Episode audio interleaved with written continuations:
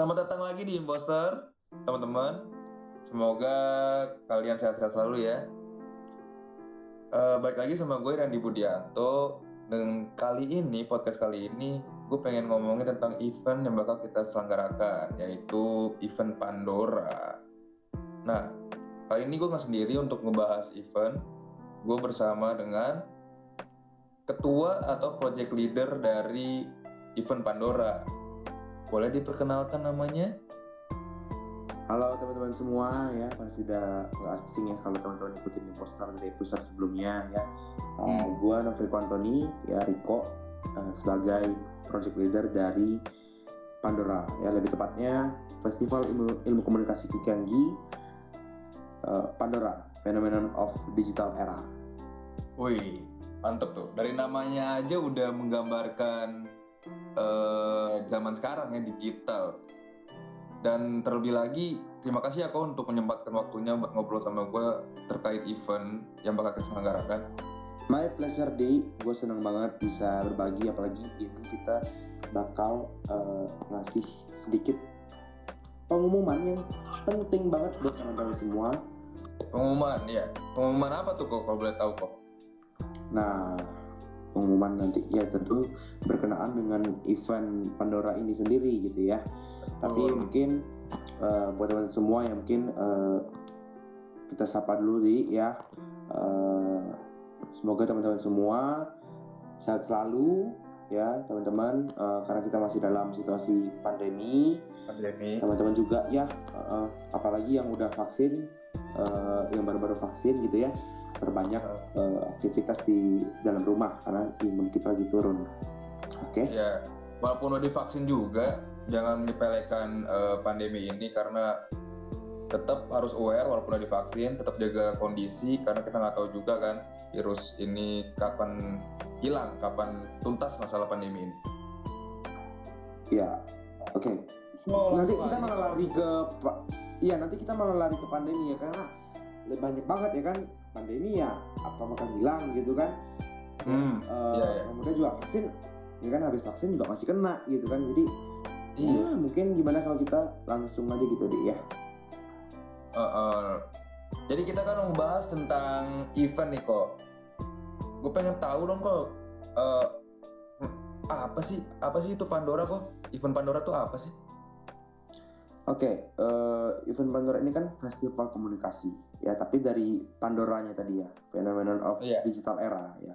Mungkin gue bakal mulai dari uh, sekilas ya sedikit mengenai Pandora itu sendiri ya, karena mungkin teman-teman uh, yang teman-teman tahu itu Pandora itu ya kotak, jadi dari mitologi Yunani gitu kan, karena yang ceritanya itu ketika uh, dewa Zeus ya kan menghukum uh, Prometheus ya dewa dengan yang membocorkan rahasia api ya kan uh, dan istrinya ya kan istrinya namanya Pandora ya kan? Makanya, makanya namanya kotak Pandora gitu kan. Uh, singkat cerita ya mungkin sekilas. Uh, kotak ini hadiah, hadiah pernikahan mereka. Uh, di mana sebenarnya udah diingatin nih si cewek ini buat jangan deh lu buka-buka uh, kotak itu gitu loh. Itu tuh udah hukuman ya kan istilahnya. Uh, cuma dasarnya emang kayak ya biar kata dewa ibaratnya kita pun pasti kepo banget tuh gitu kan. Pasti pengen iya, gampang tergoda lah ya. Iya tergoda gitu ya. Iriandi tergoda gitu ya. Dengan apa sih? Iya. Aku mah tergoda perempuan. Iya kan kita normal gitu lah uh -uh. wajar. Ya oke. Okay. uh, eh, mungkin gue sambung nih ya. Ya silakan kok iya jadi sedikit tadi. Uh, jadi ketika dibuka ya akhirnya setelah penasaran tadi dibuka teman-teman ternyata isinya itu adalah kejahatan penyakit penderitaan oh. gitu ya. Mungkin kejahatan wabah ya wabah. pembunuhan wabah wabah wabah pandemi ya kan? Flu burung Spanyol kemudian flu Spanyol ya kan? Kemudian covid ya barangkali ya kan? Uh, flu uh, demam gitu kan? Kanker ya penyakit-penyakit ya itu keluar dari kotak itu ya uh, sampai kepada umat manusia ya di seluruh dunia. Tapi teman-teman ya mungkin ada pelajaran di sini. Di dalam kotak itu ya meskipun yang keluar adalah semua kejahatan penyakit penderitaan wabah gitu ya. Oh yang negatif lah ya. Oh yang negatif. Ada satu hal yang tersisa bro. Apa tuh kok? Harapan. Wow itu itu sedap gitu ya. Uh, itulah yang uh, menjadi konsep sebenarnya dari kenapa kita pilih judul Pandora ya. Kan meskipun kepanjangannya adalah phenomenon of digital era. Karena kita lihat uh, di dunia sekarang ya revolusi industri 4.0 ya kan? Uh, kemudian digitalisasi manusia sekarang wah nggak bisa deh hidup tanpa internet gitu ya ya. Ya tuh karena gimana ya zaman kan semakin berkembang teknologi pun juga berkembang. Dan sekarang kita memasuki ya era teknologi gak sih? Ya di mana semua menggunakan teknologi. Bener banget ya kan? Jadi di era ini pun kita lihat banyak tuh kejahatan banyak tuh penyakitnya ibaratnya. Uh, mungkin ini sekilas teman-teman. Kayak cyber crime ya kan? Hmm. atau teman-teman penyakit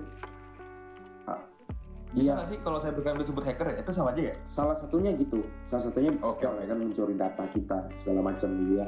Kemudian uh, penyakit penyakit seperti apa ya kan? Dengan digital sekarang kita nggak usah jauh-jauh deh dari smartphone bro. Kita uh, megang smartphone seharian ibaratnya gitu ya. Itu kan mata kita kena efeknya. Kemudian itu masih mending ya kalau cuma kayak mungkin mata kita ngantuk atau perih gitu ya yang yang udah yang ditinggal tidur besokannya udah aman udah udah kelar. Tidak aman. Oh, iritasi lah iritasi sedikit. Oh, oh, coba bro, kalau kita sosmedan gitu ya dengan digitalisasi sekarang, lihat teman kita, wah si A lebih sukses, lebih tajir, ceweknya cakep banget, sedangkan kita satu aja ya nggak usah cakep ya nggak cakep aja nggak ada ibaratnya gitu ya. Itu penyakit apa ya? Penyakit mental ya kan anxiety insecure Nah, itulah itu dampak dari uh, fenomena digital era ini. Salah satunya gitu ya. Nah, tapi di balik itu ya kan sama seperti kotak Pandora tadi ada harapan. Di sini juga ada harapan.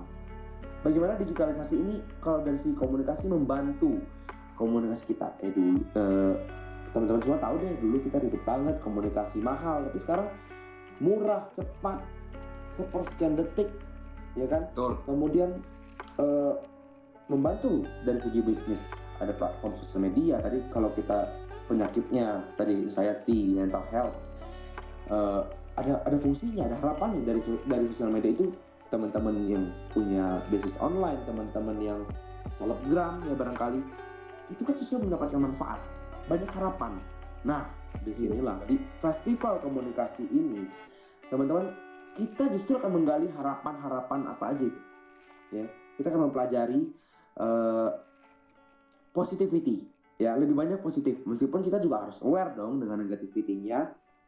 Nah itu itu mungkin sekilas tentang Pandora itu sendiri. Mantep banget. Menarik banget nih. Nah untuk tujuannya nih kok. Gue pengen tahu nih tujuan diadakan event Pandora nih itu apa kok? Oke jadi tujuan dari kita adakan festival ilmu komunikasi Pandora ini adalah satu ya kita pengen teman-teman lebih aware. Jadi oke okay, teman-teman user teman-teman uh, tahu teknologinya cuma gimana teman-teman bisa lebih memaksimalkan lagi? Ya positivity-nya tadi. Teman-teman bisa cari cuan teman-teman bisa uh, komunikasi yang lebih baik teman-teman bisa self branding gitu kan melalui platform-platform digital ya kan yang yang hari-hari ini tentunya terbaru.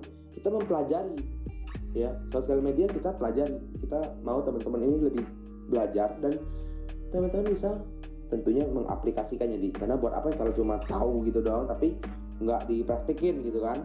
Betul. Jadi nggak cuma menggunakan aja tapi bisa dari menggunakan bisa menghasilkan juga ya kok ya? Yoi ya. Kita bisa menghasilkan sesuatu dari ini. Kita bisa uh, do something lah yang produktif dari ini gitu. Oke itu dari segi pengetahuannya dan dari segi uh, implementasi dalam uh, kehidupan sehari-hari. Selain itu tentunya kita pengen uh, anak-anak muda ya khususnya itu uh, teman-teman tahu deh uh, fungsi peran networking ya seperti dalam episode-episode sebelumnya juga Irani juga sebut banget tuh ini networking penting banget nih zaman sekarang. Ya kan? Dan uh, tujuan lainnya ya dari event ini uh, adalah bagaimana teman-teman itu bisa mengembangkan apa yang menjadi minat teman-teman. Ya selain itu uh, teman-teman yang buat anak SMA ya yang belum tahu ilmu komunikasi itu seperti apa aja ya. Uh, apa aja sih yang bakal dipelajari. Kemudian atau buat teman-teman yang sudah ilmu komunikasi tapi belum ambil konsentrasi atau penjurusan atau teman-teman yang masih bingung oh, gue mau masuk apa gue jurnalistik broadcasting atau gue uh, marketing communication ya komunikasi pemasaran? Nah di sini teman-teman bisa menggali teman-teman bisa lebih explore. Nah ini platformnya teman-teman.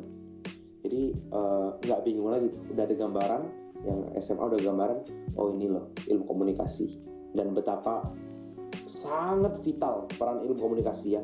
Semua lini semua bidang ya mau perusahaan otomotif mau perusahaan uh, goods ya FMCG atau mau perusahaan di bidang sosial pemerintahan itu semuanya pun tetap ilmu komunikasi tetap ada ya. Bahkan sehari-hari ada ya dia betul banget. Sehari-hari itu memang kita menggunakan uh, ya berbagai macam komunikasi gitu jadi menurut gue ilmu komunikasi adalah mempunyai peran penting dalam dalam kehidupan kita gitu. Sekarang kalau misalkan masih bingung kerjaannya apa aja sih gitu gitu uh, kerjaan dari jurusan komunikasi itu apa aja?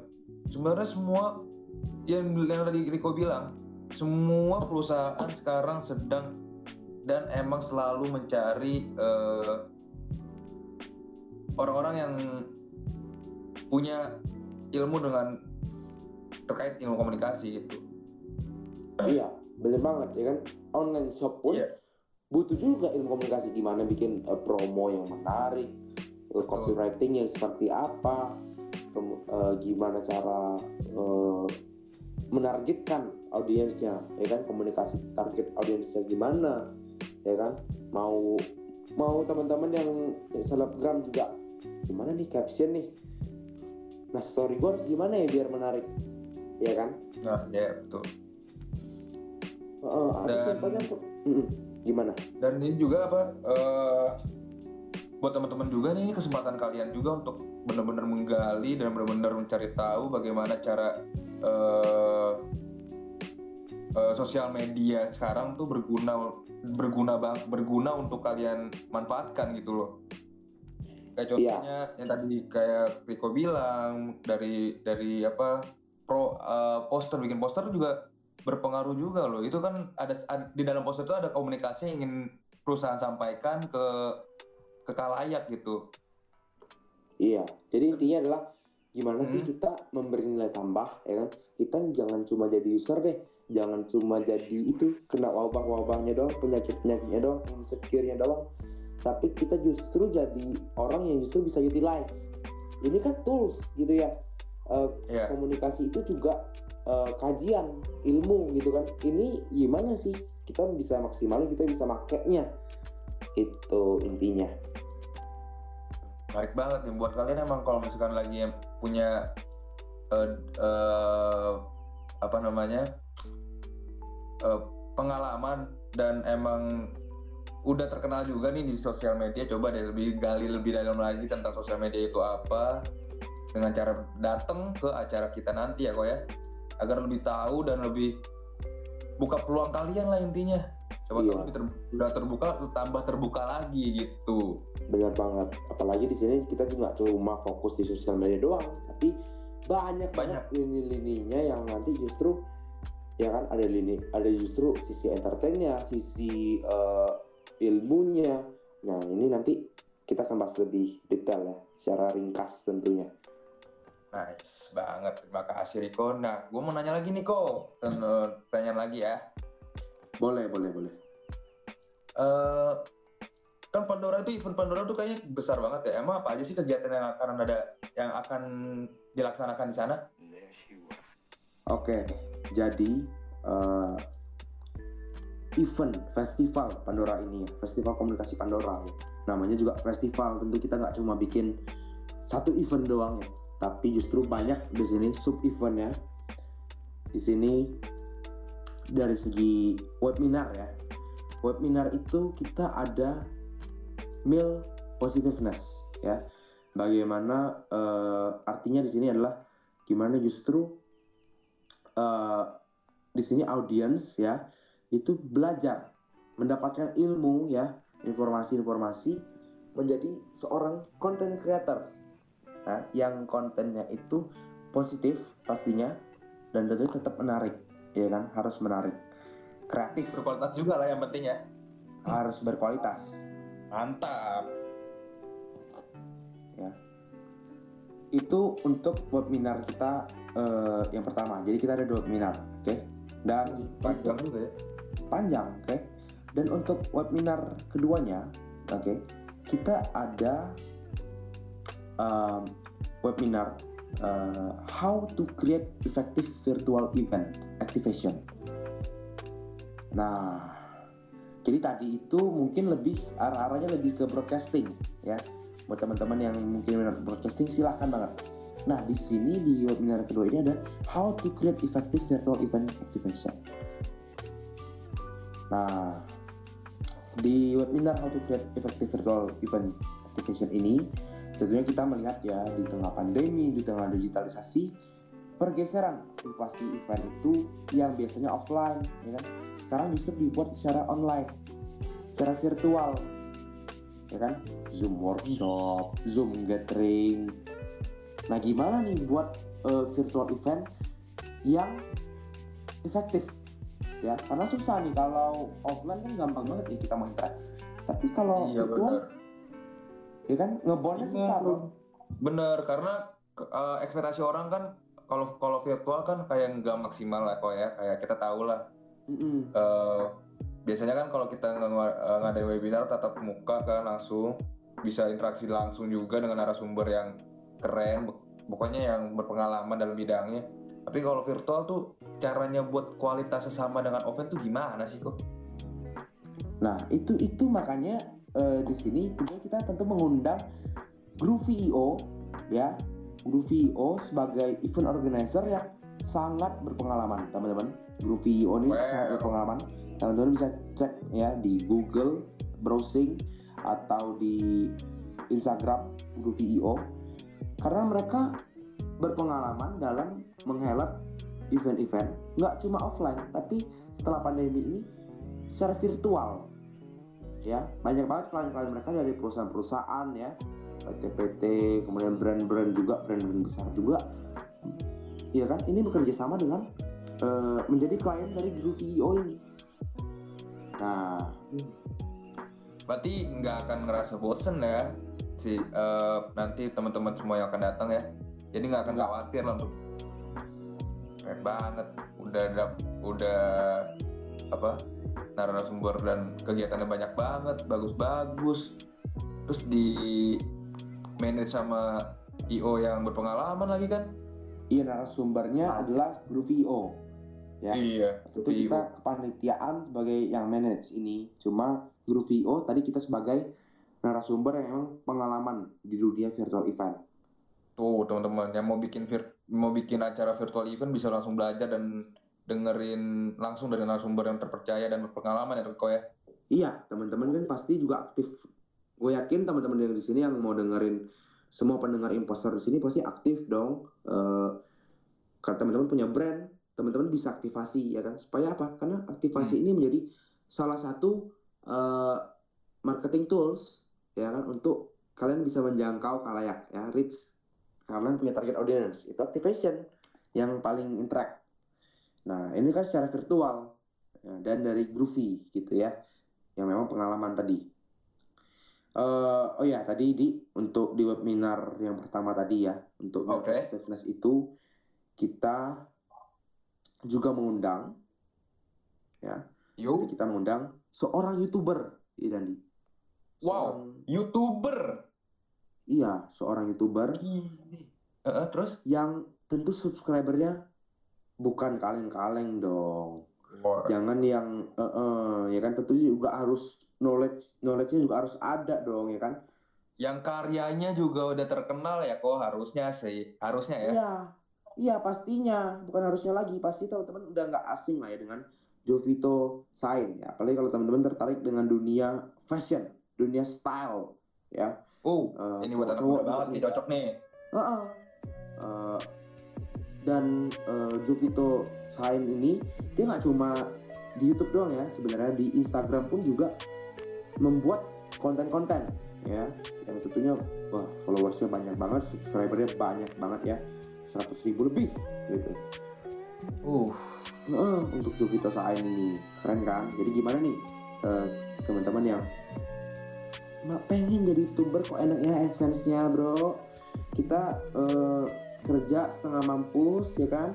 Belum tentu loh duitnya sama dengan youtuber. Ya kan? Yang videonya mungkin 10 menit ya. Meskipun tentu di balik itu pastinya ada kerja keras wawasan betul, skill nah itu hmm. yang mau kita coba pelajari. Ya teman-teman harus pelajari dari Jovito Sain ini. Nah ya, teman-teman bisa. jadi buat teman-teman yang konten kreator nih sering buat konten entah di YouTube entah di platform lain ya langsung belajar dari orang yang bener-bener berpengalaman. Itu loh yang gimana cara buat karya yang yang good menarik dan berkualitas tentunya jadi nggak sembarang konten aja ya kok ya yoi nah kok gue mau lanjut lagi nih apa mm -mm. apa ada lanjutan lagi kok pasti ada lanjutannya karena namanya festival nggak mungkin event kita cuma buat seminar doang gitu ya Oh, masih ada lagi. Banyak banget teman-teman. Oh, Apa iya, sih kok kalau boleh tahu kok? Iya, sebentar ya. Itu harus banyak di karena kebutuhan teman-teman di sini, skill-skill yang dibutuhkan wah makin banyak. Knowledge-nya juga makin harus na nambah. Ya. Benar. Mm -mm. Dan di situ di sinilah uh, kita uh, kepanitiaan ya dari ilmu komunikasi Wikiangi kita menghadirkan festival komunikasi Pandora ini untuk menjawab kebutuhan, untuk menjawab tantangan yang ada di era sekarang. Ya. Bener, apalagi sekarang kan emang sangat-sangat dibutuhkan ya eh, orang-orang uh, yang berpengalaman di dalam uh, dunia permedia sosialan inilah. Iya. Butuh, butuh dibutuhkan orang yang knowledgeable dan skillful. Yeah. Harus ada knowledge-nya, harus ada skill-nya dan di sini Betul. Uh, makanya kita coba menghadirkan teman-teman. Ayo belajar. Belajar tuh paling gampang dari apa? Dari yang udah sukses, udah udah terbukti, udah berpengalaman. Karena dari situ teman-teman, oh iya, gua coba begini supaya teman-teman tuh minimal ya teman-teman ada gambaran, ada arahnya.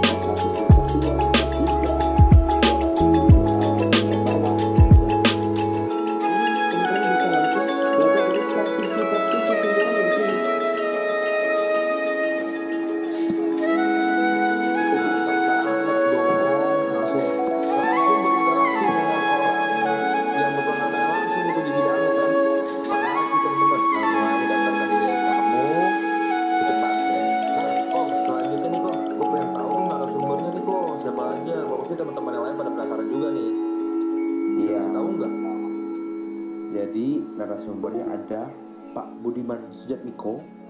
Wih, Iriandi pasti pernah dengar dong, nggak asing dong. Iya kan? Uh, iya iya iya. Iya kan? Uh, hmm. Jadi Pak Budiman Sujatmiko. Ulang deh ini, yang Pak Budiman ini ulang deh. Putus-putus mikir dulu. Putus-putus ya? ya gue kebut apa sambung aja Mac nanti gua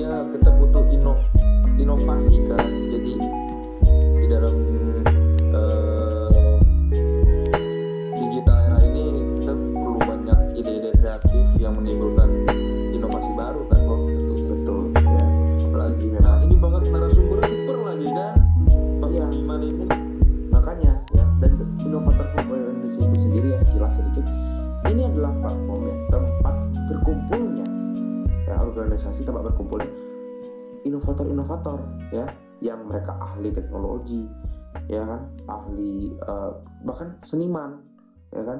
Uh, ahli uh, biotek ya kan? Semua ahli-ahli teknologi ahli-ahli uh, khususnya di Indonesia bahkan sampai luar negeri ya mahasiswa-mahasiswa berprestasi ya di Inggris di Amerika di Jerman bergabung di sini ya dalam arahan Pak Budiman. Itu Pak Budiman sebagai seorang ahli lah dalam uh, digitalisasi ya dalam uh, revolusi industri 4.0 Indonesia ini. Oh nah, Nah, di sini Pak Budiman ini akan uh, menjadi narasumber dalam sesi public speech in digital era. Ya. Jadi kenapa? Ya karena kita melihat uh, seorang mantan anggota DPR, seorang ketua umum organisasi besar di Indonesia tentunya punya skill public speaking yang gak perlu diragukan lagi jago banget ya. Bener banget. Menghipnotis gimana sih menghipnotis target audience ketika bicara itu? Mempersuasi ya kok ya bisa juga iya, ya. mempersuasi. Jadi kayak kita kayak nggak berasa gitu loh. Kita udah setuju-setuju aja gitu. Iya. Tapi tentu Hebat. jangan setuju-setuju aja. Tentu apa yang menjadi konteks tadi adalah tentu dia didasarkan data berdasarkan riset tuh sebagaimana 4.0 itu revolusinya adalah big data ya kan Internet of Things ya tentunya kita harus pakem ya harus uh,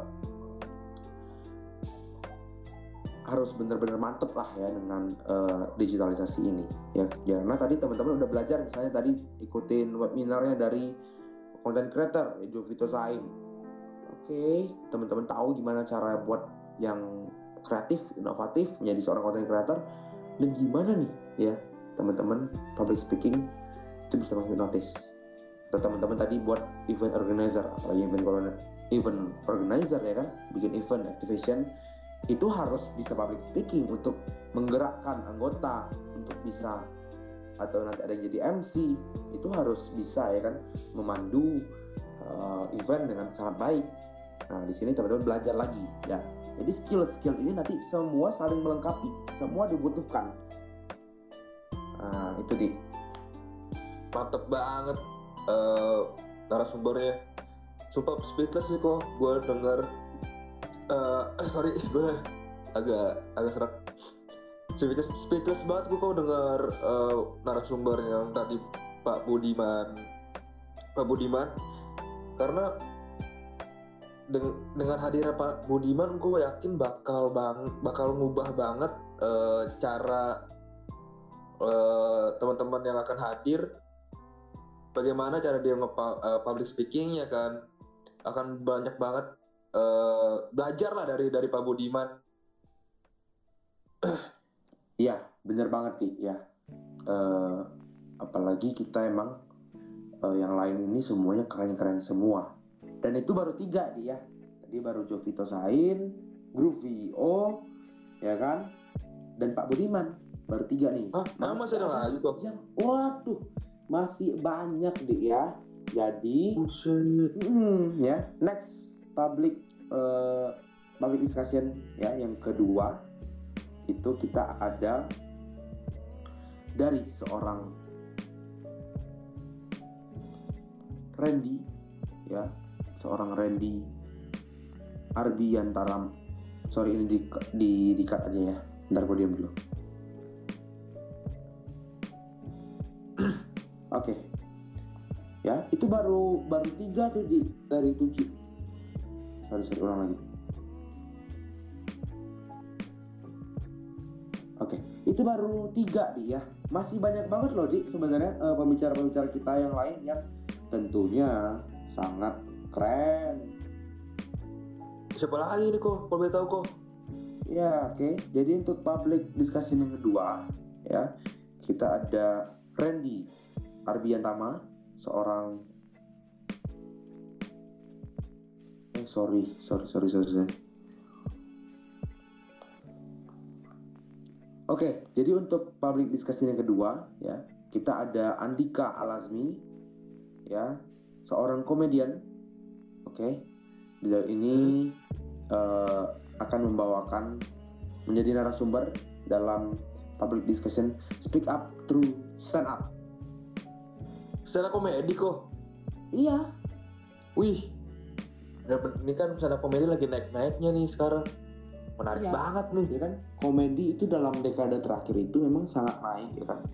Banyak banget kita lihat influencer artis-artis yang dari komedi. Dan uh, tadi kan kita public speech in digital era ya kita bicara wah secara formal secara uh, public speaking tapi dalam komunikasi di nggak bisa dipungkiri ya kan nggak bisa dipungkiri bahwa mm-hmm. komunikasi informal komunikasi yang lucu-lucu entertaining receh itu itu juga menjadi itu merupakan skill yang dibutuhkan di setuju nggak? Benar karena menurut gua kok sebuah materi dibungkus dalam komedi akan mudah tercapainya kok akan mudah tercapai dan apa ya uh, mudah tercapai ke pendengar gitu kok menurut gue sih ya. Karena gue sebagai pendengar juga kalau misalkan ada sesuatu materi yang serius tapi dibungkus dengan komedi gue malah lebih dapet intinya gitu. Nah itu di ya kan?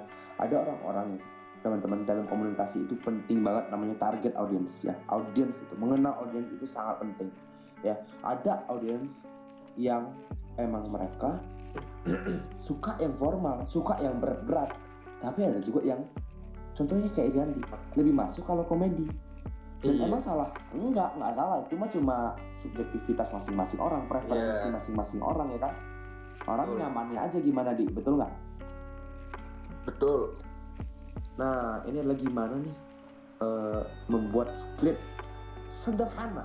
Ya, anak muda, bro, sukanya yang simple. Bener, nggak mau ribet lah ya, yang penting, uh. yang penting jadi. Tapi punch punchline-nya ini dapat, ya pecah. Kok ya. bisa? Dengan cara yang simple kok. Dengan dengan skrip yang simple, dengan cara yang oh. simple. Ya kan? Nggak perlu ribet loh. Ya kan? Uh, ini adalah gimana juga nanti mengikat ya, mengikat audiens dengan emosi. Ya, jadi memperhatikan emosinya. Nah, di sini teman-teman untuk uh, tadi public speech in digital era dan speak up terus serap ini ya mungkin lebih general ya. Dia nggak lebih ke markom lebih nggak lebih ke marketing komunikasi nggak lebih ke broadcasting tapi dia juga uh, ini lebih umum public speaking ya kan umum. Uh, adalah kalau teman-teman kan di lu pasti di sering kan di IG itu sering banyak kayak ikuti kelas public speaking. Bener nggak di? Ah sering banget sering. Bener banget. Sering banget lewat. Iya kan? Nah uh, public speaking yang ada itu ya kalau gua lihat lu lihat itu ya mungkin kayak kurang lebih zaman now di. Kurang lebih digital ya. Karena anak-anak sekarang ya Gen Z generation ini nggak bisa kalau pakai cara-cara konvensional cara-cara lama harus ada balutan komedi tadi contohnya. Nah untuk itu kita padukan ya. Pak Budiman tadi ya kan? Seorang politisi, seorang uh, ketua umum organisasi yang besar, ya kan? Ini dipadukan juga ya dengan uh, stand up komedi. Nah di sini teman-teman bisa belajar gimana dalam public speaking itu berbobot, ya bobotnya ada, datanya ada, researchnya kuat, tapi dibalut dengan komedi. Nah, ini teman-teman ikuti dua-duanya kalau bisa ya. Teman-teman eh, ini sangat bermanfaat ya. Dua dua public dua sesi public discussion ini mengenai public speaking ini ini sangat eh, relatable ya. Benar. Dan teman-teman aplikatif di aplikatif kok. Iya, buat teman-teman juga harus ya ya gue saranin sih untuk ikut dari awal sampai acara selesai sih. Karena benar-benar benefitnya benar-benar banyak banget. Iya di tadi yang kayak gue bilang. Banget lagi. Ya iya skill setnya dibutuhkan banyak. Knowledge-nya harus banyak juga ya kan tuntutan tuntutan benar, benar. biasa di tuntutan uh, zaman yep. Oke di masih ada lagi di ya. Mungkin kita bisa ah, pindah lagi. Masih, super banget. Iya masih banyak lagi. Keren keren Oke, keren, jadi keren. ya setelah itu kita ada fotografi in digital era. Wow. Ya. Ini pasti uh, berkaitan dengan dunia perfotoan padahal dan dan gue gue adalah pengguna kamera yang B aja kok jadi ya gue asal jepret aja. Iya di. Ya dari judulnya udah tahu lah ini tentang fotografi. Iya. Cuman di sini yang membedakan adalah kita nggak cuma ngasih kalian ah gimana sih jadi fotografer? Bukan ya kan?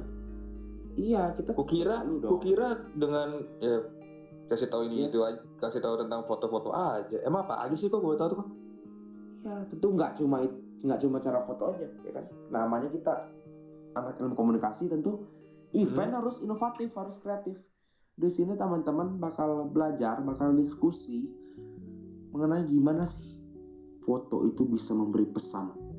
Foto itu lebih bicara pada target, kepada kalayak. Iya, foto apalagi ya teman-teman.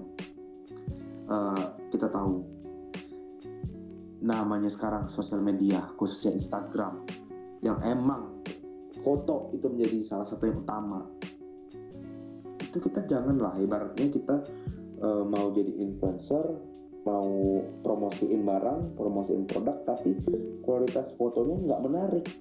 Nggak foto itu ibarat patung nggak bicara sama kita, ya kan? Nah ini gimana? Gimana bisa uh, kita bisa bangun personal brand, kita bisa bangun uh, image, kita bisa bangun apa melalui foto, ya kan? Di era digital, karena platformnya adalah digital.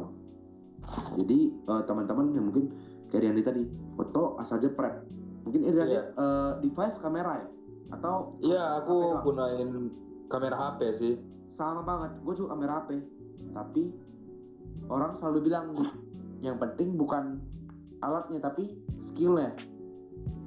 Ya kan? Oh jadi walaupun alatnya bagus belum tentu hasilnya ikut bagus ya kok ya? Belum tentu. Kalau dari segi komunikasi foto sebagus apa pun tapi kalau dia nggak ada nggak pesannya nggak sesuai nggak nyampe ya kan? Atau foto, atau pesannya udah bagus tapi fotonya nggak bagus susah juga mau mau diterima. Mau mempersuasi orang tuh susah